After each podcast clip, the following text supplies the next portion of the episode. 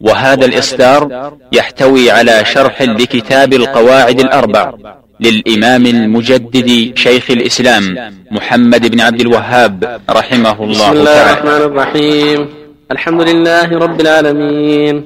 والصلاة والسلام على نبينا محمد وعلى آله وصحبه أجمعين. أما بعد. قال شيخ الإسلام محمد بن عبد الوهاب رحمه الله تعالى في القواعد الأربعة. بسم الله الرحمن الرحيم. أسأل الله الكريم رب العرش العظيم أن يتولاك في الدنيا والآخرة وأن يجعلك مباركا أينما كنت وأن يجعلك ممن إذا أعطي شكر وإذا ابتلي صبر وإذا أذنب استغفر فإن هؤلاء الثلاث عنوان السعادة. اعلم أرشدك الله لطاعته أن الحنيفية ملة إبراهيم أن تعبد الله وحده مخلصا له الدين كما قال تعالى وما خلقت الجن والإنس إلا ليعبدون فإذا عرفت أن الله خلقك لعبادته فاعلم أن العبادة لا تسمى عبادة إلا مع التوحيد. كما أن الصلاة لا تسمى صلاة إلا مع الطهارة. فإذا دخل الشرك في العبادة فسدت. كالحدث إذا دخل في الطهارة.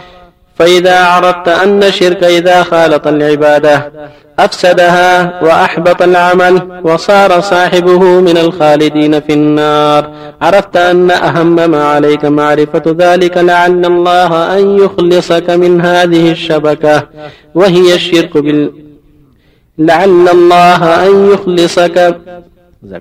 لعل الله أن يخلصك من هذه الشبكة وهي الشرك بالله الذي قال الله تعالى فيه إن الله لا يغفر أن يشرك به ويغفر ما دون ذلك لمن يشاء.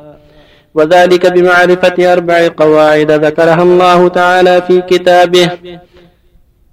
القاعدة الأولى أن تعلم أن الكفار الذين قاتلهم, قاتلهم رسول الله صلى الله عليه وسلم مقرون بأن الله تعالى هو الخالق. مقرون بأن الله تعالى هو الخالق الرازق المدبر وأن ذلك لم يدخلهم في الإسلام. والدليل قوله تعالى قل من يرزقكم من السماء والأرض أم من يملك السماء والأبصار ومن يخرج الحي من الميت ويخرج الميت من الحي ومن يدبر الأمر فسيقولون الله فقل أفلا تتقون القاعدة الثانية أنهم يقولون ما دعوناهم وتوجهنا إليهم إلا لطلب القربة والشفاعة فدليل القربة قوله تعالى والذين اتخذوا من دونه أولياء ما نعبدهم إلا ليقربونا إلى الله زلفى. إن الله يحكم بينهم فيما هم فيه يختلفون. إن الله لا يهدي من هو كاذب كفار. ودليل الشفاعة قوله تعالى ويعبدون من دون الله ما لا يضرهم ولا ينفعهم ويقولون هؤلاء شفعاؤنا عند الله والشفاعة شفاعتان شفاعة منفية وشفاعة مثبتة. فالشفاعة المنفية ما كانت تطلب من غير الله فيما لا يقدر عليه إلا الله. والدليل قوله تعالى يا أيها الذين آمنوا أنفقوا مما رزقناكم من قبل أن يأتي يوم لا بيع فيه ولا خلة ولا شفاعة. والكافرون هم الظالمون. والشفاعة المثبتة هي التي تطلب من الله والشافع مكرم بالشفاعة والمشفوع له من رضي الله من رضي الله قوله وعمله بعد الإذن. من رضي الله قوله وعمله بعد الإذن. كما قال تعالى من الذي من ذا الذي يشفع عنده إلا بإذنه. وبالله التوفيق. صلى الله وسلم على رسول الله. وعلى آله وأصحابه. أما بعد هذه أربع قواعد نبه عليها المؤلف وهي قواعد مهمة.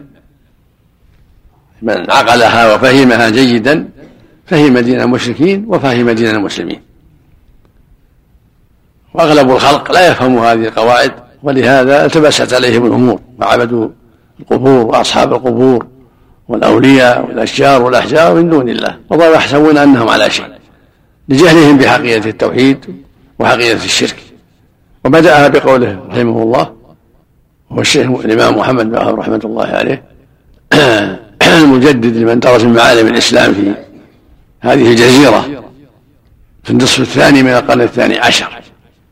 المتوفى سنة ست ومائتين وألف من الهجرة النبوية. يقول رحمه الله أسأل الله يتولاك في الدنيا والآخرة. ويجعلك مباركا أينما كنت. ويجعلك ممن أعطي إذا ممن إذا أعطي شكر وإذا ابتلي صبر وإذا أذنب استغفر فإن هؤلاء الثلاث عند خصال عنوان السعادة.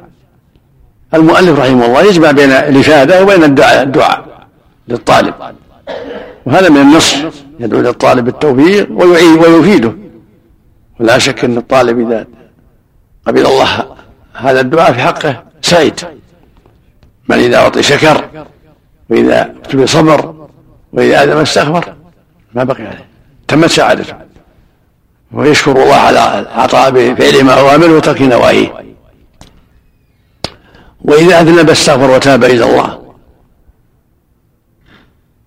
هذا شأن المؤمن إذا أعطى شكر وإذا ابتلي صبر وإذا ذنب استغفر. ولهذا يقول صلى الله عليه وسلم عجبا لأمر المؤمن إن أمره كله له خير. وليس ذلك لأحد إلا المؤمن. إن أصابته ضراء وصبر فكان خيرا له وإن أصابته شراء وشكر فكان خيرا له. وهذا هو الواجب على المؤمن أن يشكر عند الرخاء عند النعم صحة الصحة والعافية نعمة الإسلام نعمة الأولاد نعمة المال إلى غير هذا يشكر الله عليها بطاعة أمره وترك نهيه هذا الشكر. اعملوا على الفكر يعني يطيع أوامره وينتهي النواهي. ويصرف النعم في طاعة المولى سبحانه وتعالى. وعند البلاوي من المرض وموت الولد القريب ونحو ذلك يصبر ويحتسب لا يجزع يتحمل فلا يضر شيء. قد لا يشق جيب ولا يدعو بدعوى الجاهلية ولا يتكلم بفحش بل يتحمل الصبر وعند الذنوب يبادر بالتوبة والاستغفار.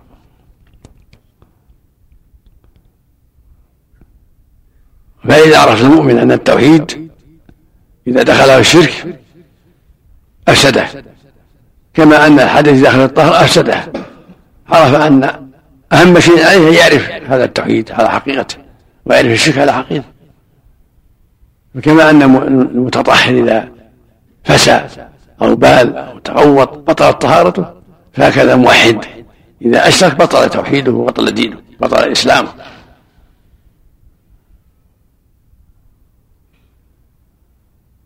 التوحيد هو دين الله. هو الإسلام وهو الهدى فإذا فعل شيئا من أنواع الشرك بطل هذا الإسلام بطل هذا الدين. كان يدعو الأموات يستغيث بالأموات ينذر الأموات. يسب الدين يسب الله يسب الرسول يستهزئ بالله ورسوله يستهزئ بالدين يدعى ما وجب الله يعتقد ما حرم الله مما هو معلوم من الدين بالضرورة. كالزنا واشباهه إذا أتى بشيء من هذه النواقض بطل بطل اسلامه كما أن من أتى بالناقض النواقض طهر بطلت. تطهر ثم تبول بطلت. تطهر ثم خرج من ريح أو ضراط بطلت. وهكذا. فهكذا توحيده واسلامه إذا وجد منه ناقض بطل هذا التوحيد وهذا الإسلام. هو مسلم ثم سب الدين كفر. حتى يتوب سب الله كفر استهزاء بالدين كفر جحد وجوب الصلاة كفر جحد تحريم الزنا كفر. استغاث بالموتى نذر لهم كفر وهكذا. فنواقض الإسلام تبطله كما أن نواقض الطهارة تبطلها ومما يبين حقيقة الدين ويشرح لك الحقيقة أن تعلم هذه القواعد الأربع. التي هي موجودة في كتاب الله. فإذا درستها وتأملتها اتضح لك الأمر أكثر. القاعدة الأولى أن تعلم أن المشركين مقرون بتوحيد الربوبية مقرون أن الله خالقهم رازقهم مدبر أمورهم ليس عندهم في هذا شك. وجهال المسلمين اليوم يحسبون هذا يكفي. لا يقر ان الله خالق ورزاق وان ربه كفى هذا من الجهل صار المشرك أعلم منه. فإذا أقر بالربوبية قال إن الله ربي وأن خالقي ورازقي وأنا ما يكفي. هذا المشرك اقروا بهذا وليس خلقهم لا يقولون ان الله. وليس خلق السماء لا يقولون ان الله. أقر بهذا قال تعالى قل يا محمد يعني هؤلاء المشركين من يرزق من يرزق من السماء. أما يكون السماء ابصار ويخرج الحي من الميت ويخرج الميت من الحي ويدبر الأمر فسيقولون الله. فقل أفلا تتقون؟ يعني ما أنتم تعرفون هذا؟ أفلا تتقون الإشراك بالله وترجعون إلى التوحيد والحق؟ فهم يعرفون هذه الأمور ويقرون بها لله ومع هذا ما أسلم قاتلهم النبي صلى الله عليه وسلم. لأنهم ما خصوا الله بالعبادة أشركوا مع الله. أشركوا مع الله اللات والعزى ومنات وأصنامهم الكثيرة. فالتوحيد صرف العبادة لله وحده والإيمان بأنه مستحق لها دون دون ما سواه.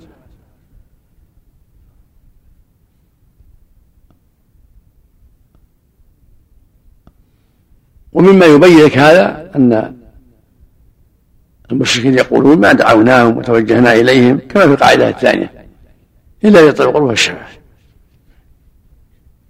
يعني ما قصدنا أنهم يخلقون أو يرزقون أو يدبرون الأمور أو يحيون الموتى. لا ما قصدنا هذا. نعرف إن هذا لله يعرفون هذا لله. ولكن قصدناهم ليشفعوا لنا وليقربونا إلى الله زلفى لأنهم أحسن منا عندهم دين عندهم عطاءات عندهم أعمال صالحات. فإن نعبدهم ندعوهم نستغيث بهم ليقربونا إلى الله وليشفعوا لنا لأنهم خير منا وأوجه منا.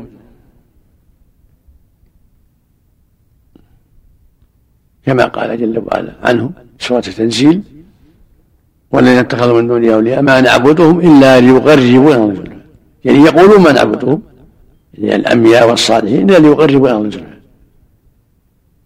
يعني ما عبدناهم لانهم يخلقون الرسول لا عبدناهم لانهم يقربون الرسول قال الله تعالى ان الله يحكم بينهم فيما هم فيه يختلفون. ان الله لا يهدي من هو كاذب كفر سماهم كذب كفر. هذا يدل على أن عبادتهم إياه لاجل طلب التقريب إنه كفر. ولو ما قالوا إنهم يخلقون الرسول إذا دعوهم واستغاثوا بهم نذروا لهم ذبحوا لهم بقصد القربة يقربونهم هذا هو هو الكفر. اللي فعله الشهور الأول. ولهذا سماهم كذبا يعني من كاذب كفر. كذبة كفر. كذبوا في أنهم يقربون الله وكفروا بهذا العمل. وقال سبحانه ويعبدون من دون الله ما لا يضرهم ولا ينفعهم ويقولون هؤلاء يشفعون عند الله. أقروا بأن آلهتهم لا تنفع ولا تضر. وأن وأنهم يشفعون لهم. هم مقرون بهذا. والله يقول جل وعلا فما تنفعهم شفاعة الشافعين ما للظالم من حميم ولا شفيع يطاع. هذا الشرك أبطل حصول الشفاعة لهم. ولا ولا ولم ينفعهم بل ضرهم. وإنما الذي ينفعهم أن يتوبوا إلى الله وأن يستقيموا على التوحيد وأن يعبدوا الله وحده وأن يدعوا الإشراك به. هذا هو ينفعهم أن يوحدوا الله كما هم معنى لا إله إلا الله. يعني يخصون الله بالعبادة. دعاءهم خوفهم رجاءهم ذبحهم نذرهم. كلها لله وحده. لا يشركون مع الله. لا نبيا ولا ملكا ولا جنيا ولا غير ذلك. هذا هو دين الله. والمشركون الذين قاتلهم النبي صلى الله عليه وسلم فعلوا ما يدلك على ذلك.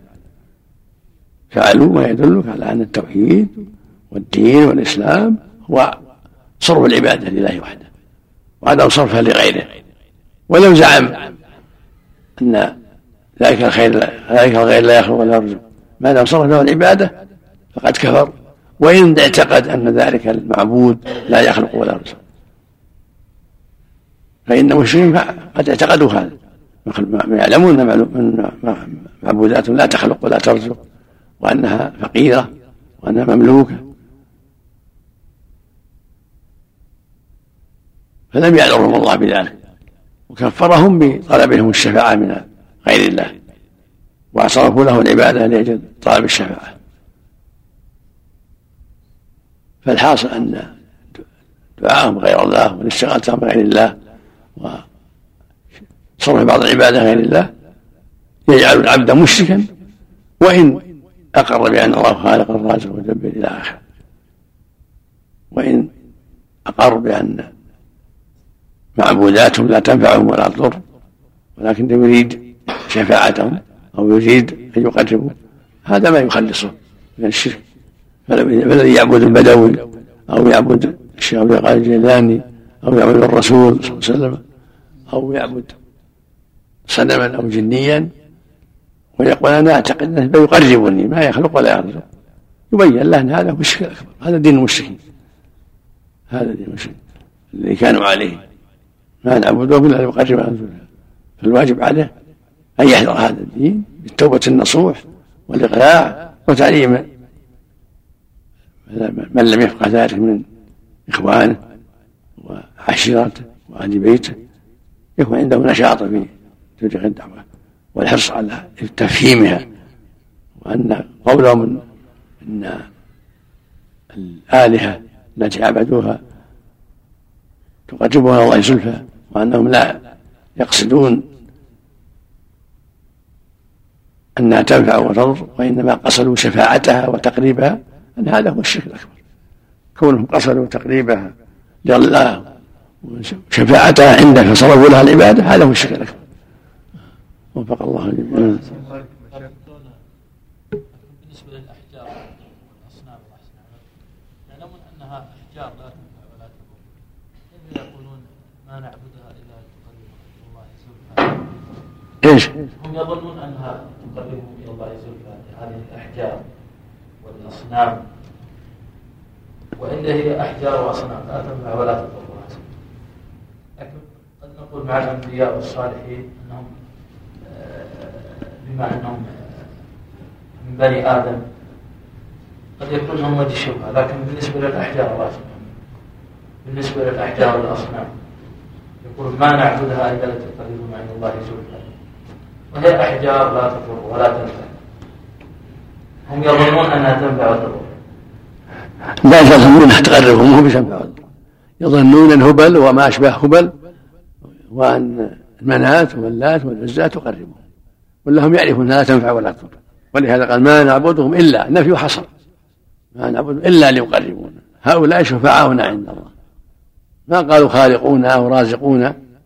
لا قالوا شفعاؤنا ويقربونا نعم. هذا ما عبدوهم عفى الله عنك. عبدوهم بهذه العبادة. استغاثوا بهم ونذروا لهم لأنهم وسائل. عندهم منهم وسائل. يدري نفس مثل ما قال أبو سفيان يوم احد لنا العزى ولا عزى لكم. وقال أعلو هبل. نعم. يعني نصرنا بشفاعة هبل وبتقريبنا إليه والعزى. نعم. صلى الله إليك يا شيخ. بعض الدول إذا أرسلنا لهم أشياء وكذا يعني يقولون أول كان عندكم يعني قبور وكذا تعبدونهم وكذا إذا أرسلنا لهم يقولون يعني أن أول كنتم تعبدون قبور وكذا. ما يرد عليهم صلى الله إليك. والحمد لله على التوبة. نعم عندنا وتوبنا الحمد لله. الحمد لله. توبوا مثلنا الحمد لله. إنما أنا نريدكم توبوا مثلنا أحسن الله إليك. وتوبوا مثل قريش لما تابت يوم الفتح. نعم. جزاك الله خير. أحسن الله إليك. ما رأيك؟ عليكم شيخ. نعم. الجاهل الذي لا يظن أو لا يعرف أن الذبح عبادة. الذي إيش؟ الجاهل الذي لا يعرف أن الذبح عبادة لله عز وجل. ويذبح لغير الله. يعلم هو يعلم أن هذا شرك. يعلم أن الشرك وإذا مات عليه حكم حكم المشركين. لا يصلى عليه ولا يصاب ولا يجحد ولا يورث من يرث المسلمون وأمره إلى الله. الله عنك أيهما أولى عفى الله عنك دعاء بعض ال- الذي عندهم خلل في العقيدة يعني في نواحي هذه هذه البلد أو الخروج للدعوة في خارج هذه البلد. من يبدأ بلده؟ أوجب أوجب إذا كان عنده الشرك وعنده شيء يبدأ. به يقول بلد الله واحد أو لا يبدأ. يبدأ بالأقرب فالأقرب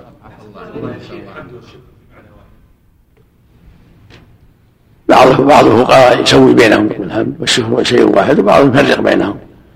يرى الحمد يتعلق بالقلب واللسان بس. والثناء بالقلب واللسان. ويرى الشكر يتعلق بالثلاثة بالقلب واللسان والعمل. يقول أفادتكم النعماء بني ثلاثة؟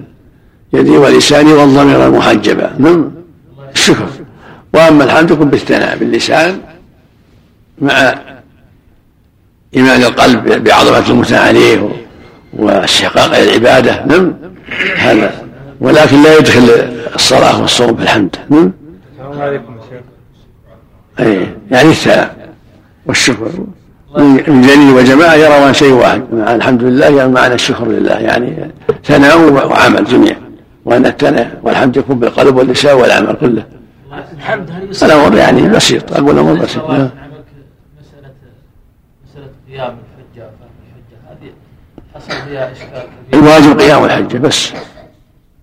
الله قال وما كان الله يضل قوما بعد إذ حتى قال يبين ولا يتبين? يبين. حتى يبين. ليس عليك هداهم ولكن الله يهدي من يشاء. هو لي يهدي بس إن علينا البيان. وإنك لا تهدي إلى صراط مستهدي وشوبه بالبيان. أما أما لزوم إنك تفهم لا هو لزوم. قد يكون ما فهمت نطيعه. إذا قلنا قل لا إله إلا الله ومعنى لا معبود بحق إلا الله ومعنى لا تدعوها اللات ولا تست قال أنا ما فهمت كلام نطيع؟ وهو عربي يفهم؟ ما نطيع. صرف الحمد لغير الله تقول حمدت فلان صرف الحمد لغير الله على على على شغل على النعمة اللي منه تشكره عليها وتحمده عليها. إذا فعل شيء يستحق عليه من لا يشكر الناس لا يشكر الله. نعم بالنسبة لاختلاف البلدان. لا يختلف الحكم باختلاف البلدان. إذا كانت إحدى البلدان فيها عباد البدوي قلت لهم ترى البدوي ما يصلح. عباد البدوي قلت ترى البدوي مخلوق مثلك. لا آدمي مثلك ما يصلح ما يعبد ما يدعى. قال ما فهمت كلامك. هو عربي يفهم من نطيعك نطيعه ما يطاع هذا. ها؟ كان في علماء سوء يحبذوا ذلك للجهال. علماء السوء هم اللي غروهم؟ مثل ما غر علماء السوء في في مكة ما فهمت كلامك. هو عربي يفهم. من نطيعك نطيعه ما يطاع هذا.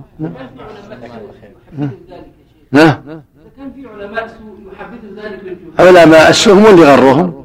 مثل ما غر علماء السوء في في مكه وغيرهم. نسأل الله العافية. هل يأثم من انغر بهم؟ أحسن الله إليك.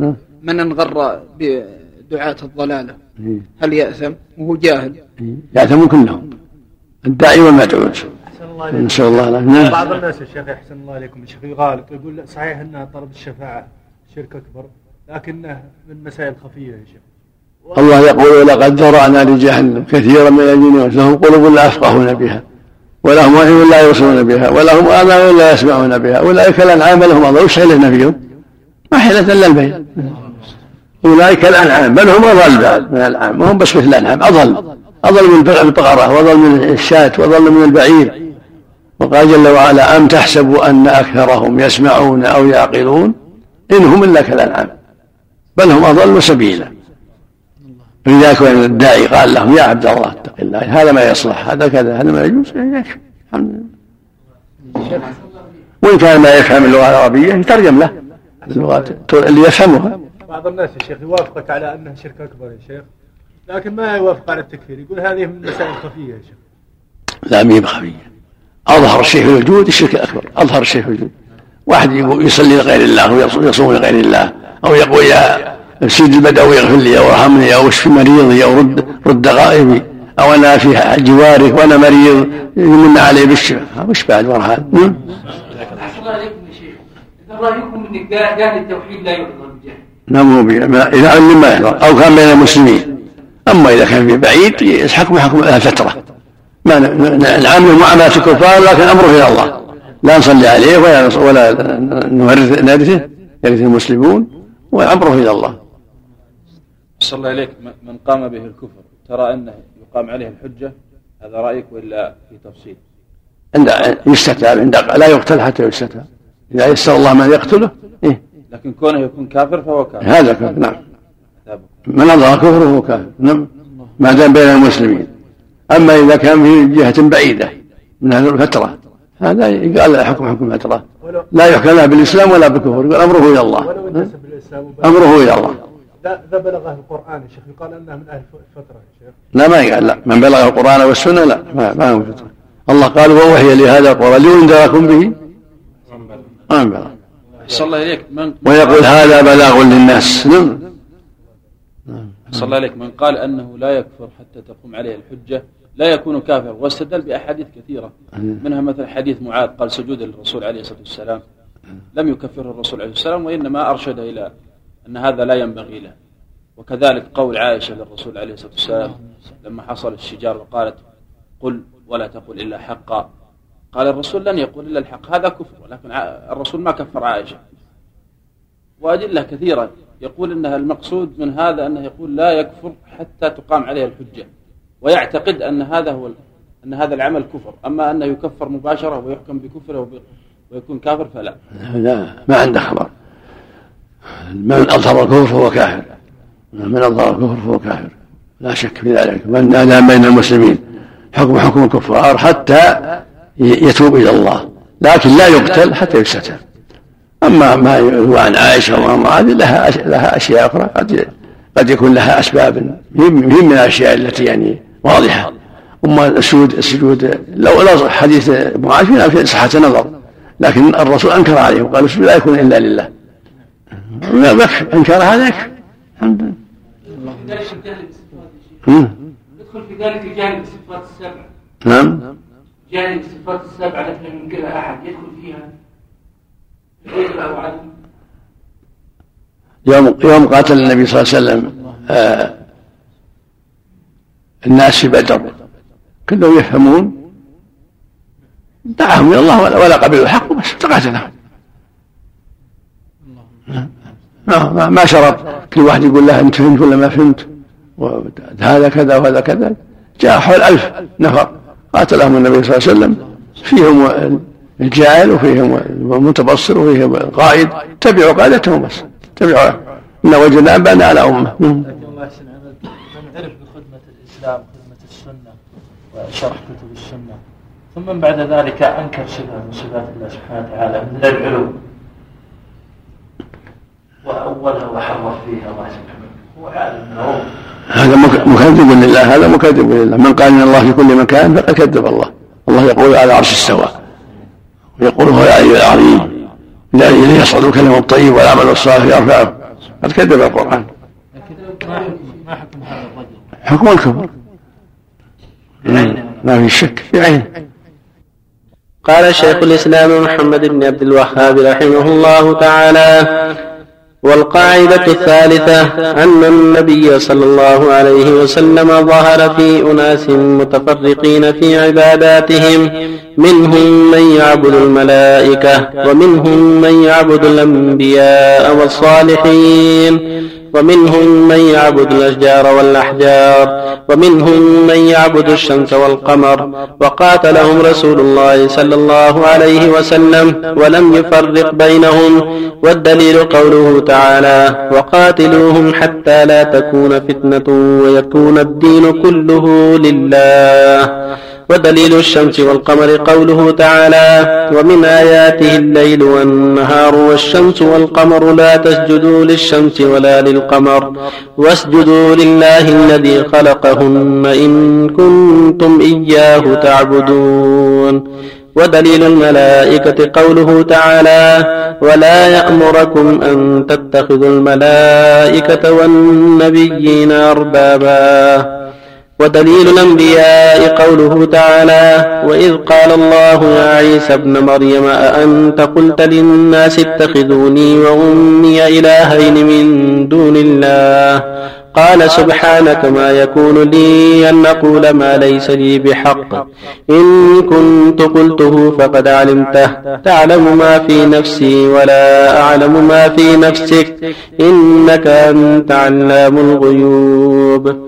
ودليل الصالحين قوله تعالى أولئك الذين يدعون يبتغون إلى ربهم الوسيلة. أيهم أقرب ويرجون رحمته؟ أيهم أقرب ويرجون رحمته؟ ويخافون عذابه.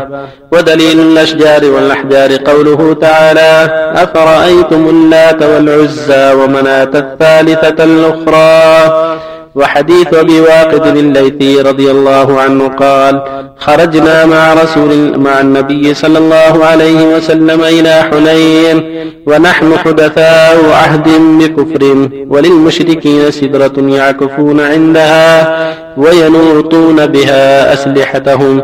يقال لها ذات أنواط فمررنا بسدرة فقلنا يا رسول الله اجعل لنا ذات أنواط كما لهم ذات أنواط. الحديث. القاعدة الرابعة أن مشركي زماننا أغلب شركا من الأولين لأن الأولين يشركون في الرخاء. ويخلصون في الشدة ومش ومشركو زماننا شركهم دائما في الرخاء والشدة. والدليل قوله تعالى فإذا ركبوا في الفلك دعوا الله مخلصين له الدين. فلما نجاهم من البر إذا هم يشركون.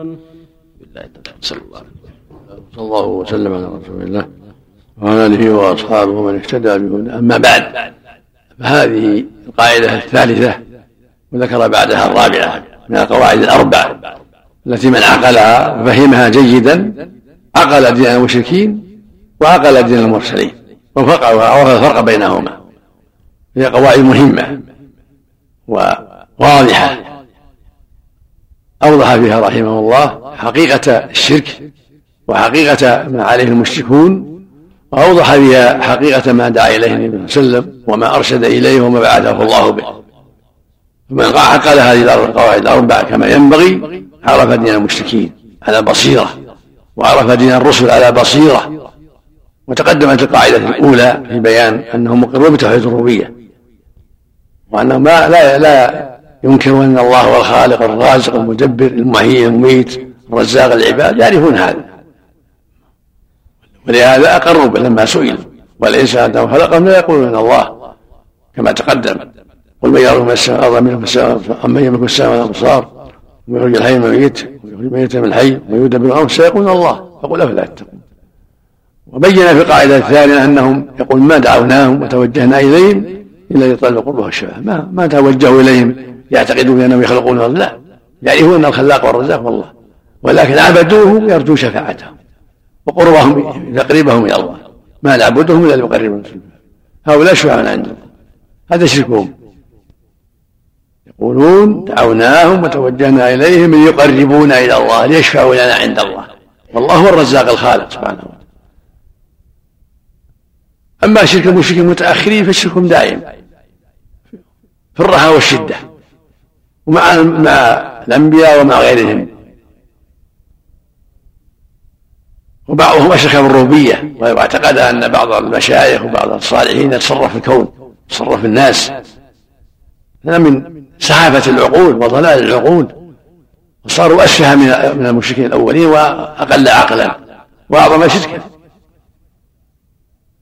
تقدم تفصيل الشفاعة وأن الشفاعة شفاعتان شفاعة مرضية وهي التي يأذن الله فيها ويرضاها. كشفاعة النبي صلى الله عليه وسلم حتى يقضى بينهم بإذنه سبحانه. وشفاعته في أهل التوحيد حتى يدخلوا الجنة بإذنه ورضاه سبحانه وتعالى. شفاعة باطلة وهي الشفاعة التي يطلبها المشركون من غير الله. يطلبونها من أنباء من الأنبياء أو من الصالحين أو من الملائكة أو من الجن أو من الأشرار هذه شفاعة باطلة. قال الله فيها وما فما تنفعهم شفاعة الشافعين. ما للظالم حميم ولا شفيع يطع لأنهم طلبوها من غير الله وتوسلوا إليها بالشرك فصارت باطلة. ثم ذكر في القاعدة الثالثة أن النبي صلى الله عليه وسلم ظهر في أناس شركهم متنوع أقسام وأنواع. منهم من يعبد الأنبياء منهم من يعبد الملائكة منهم من يعبد الصالحين منهم من يعبد الجن منهم من يعبد الأشجار والأحجار يعبد الشمس والقمر فرق قاتلهم جميعا وقاتلهم الصحابة ولم يفرقوا بينهم. وذكر الآيات الدالة على ذلك. يقول جل وعلا. ولا يأمركم أن تتخذوا الملائكة والنبي أربابا. يأمركم بالكفر بعد إذ مسلمون فجعل عبادة الملائكة والأنبياء كفر. وذكر قصة عيسى. وللنصارى ما قلت لهم إلا ما أمرت به. أن يعبدوا الله ربي وربكم. وكنت عليهم شهيدا ما دمت ما دمت فيهم. فلما توفتني كنت أنت الرغيب عليهم وأنت على كل شيء شهيد. وذكر في الأشجار والأحجار ومنه والصالح كذلك أفرأيتم اللات والعزى؟ ومن الثالثة الأخرى منات حجر والعزى شجرة واللات رجل صالح. فالمقصود أن المشركين تنوعت عباداتهم لغير الله. ومنهم من يعبد الشمس والقمر منهم من يعبد النجوم منهم من يعبد الجن إلى غير ذلك. فقاتلهم صلى الله عليه وسلم وقاتلهم الصحابة ولم يفرقوا بينهم. فالشرك واحد وإن تنوع المعبودون فاللي يعبد الشمس أو القمر أو الملائكة أو الأنبياء أو الصالحين أو النجوم أو غيرهم كلهم شرك سواء كان المعبود صالحا أو جمادا نبيا أو ملكا أو غير ذلك. الله يقول جل وعلا وما أمروا إلا ليعبدوا الله مخلصين له الدين. وقال ربك ألا تعبدوا إلا إياه فاعبد الله مخلصا له الدين. وإلهه إله واحد. من خالف هذه الآيات وما جاء في معناها فقد أشرك سواء فعل ذلك مع الأنبياء أو مع الصالحين أو مع الملائكة أو مع الجن أو مع النجوم أو مع الشمس أو مع القمر أو غير ذلك. ولهذا أنزل الله فيهم جل وعلا وقاتلوهم حتى لا تكون فتنة يعني شرك وحتى يكون الدين كله لله. الشرك يطلق عليه فتنة. وقاتلوهم حتى يكون يعني حتى لا يقع شرك بالله بل يكون الدين كله لله. والاختلاف يسمى فتنة والمعاصي تسمى فتنة. لكن هنا انتهى الشرك كما قال جل وعلا. ويا سمان الشاهد قتال قل قتال في كبير ثم قال وصد عن سبيل الله وكفر به والمسجد الحرام وإخراج أهلهم أكبر عند الله. ثم قال والفتنة أكبر من القتل. يعني الشرك. الفتنة هو الشرك أكبر من القتل. كون يقتل النفس هذا جريمة عظيمة منكر عظيم لكن كونه يشرك بالله أعظم من القتل. نسأل الله. العافية فدل ذلك على أن الواجب على ولاة الأمور أن يقاتلوا عباد غير الله مطلقا كائنا ما كان بعد الدعوة. إذا دعوا إلى الله وأرشدوا فلم يقبلوا وجب قتالهم مع القدرة. فاتقوا الله ما استطعتم مع القدرة.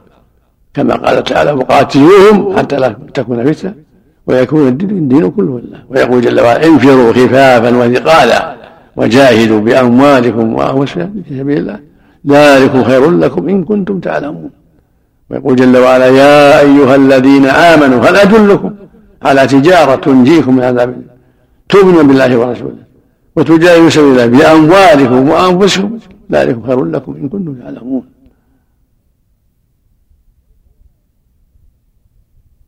ومما يتعلق بعبادة الأشياء حديث وأبي وقد الليثي لما خرجوا إلى حنين وكانوا حدثاء عهد بكور غروا على أناس من المشركين يعبدون سدرة ويعظمونها ويعلق عليها السلاح يقول انه إذا علق عليها يكون أمضى وأقوى. فقال إلا ذات انواط كما لم ذات انواط قال الله أكبر. إنها السؤال قلتم والذي في نفسي بيده كما قال بنو موسى أجعل لنا إلها كما لهم فجعل طلب إيجاد شجرة تعبد. مثل قول بني إسرائيل اجعل لنا الها كما لهم إله. فإذا قال نبي شجره نعبدها نبي حجر نعبده قبر نعبد نعلق عليه السلاح ندعوه نستغيث به ننذر له. فهو مثل قول بني إسرائيل جاء غيره كما لهم وهذه قاعدة عظيمة مع القاعدة السابقتين ثم أوضح في القاعدة الرابعة أن شرك الأولين أخف من هؤلاء. وشرك هؤلاء أعظم وأقبح. فالأولون يشركون في الرخاء ويخلصون في الشدة وأما هؤلاء المشركون في غالب البلدان شركهم دائم. عباد البدوي وعباد الحسين وعباد الشيخ عبد الغني الجيلاني وغيرهم شركهم دائم في الرخاء والشدة. فالواجب الحذر من شرك المشركين في شدة والرخاء دقيقة وجليلة. ومما يدلك على أن المشركين يشركون في الرخاء دون الشدة؟ قوله تعالى فإذا ركبوا الفلك يعني في الباخرة في السفينة. دعوا الله مخلصين له الدين. يعني يخلصوا لله خافوا.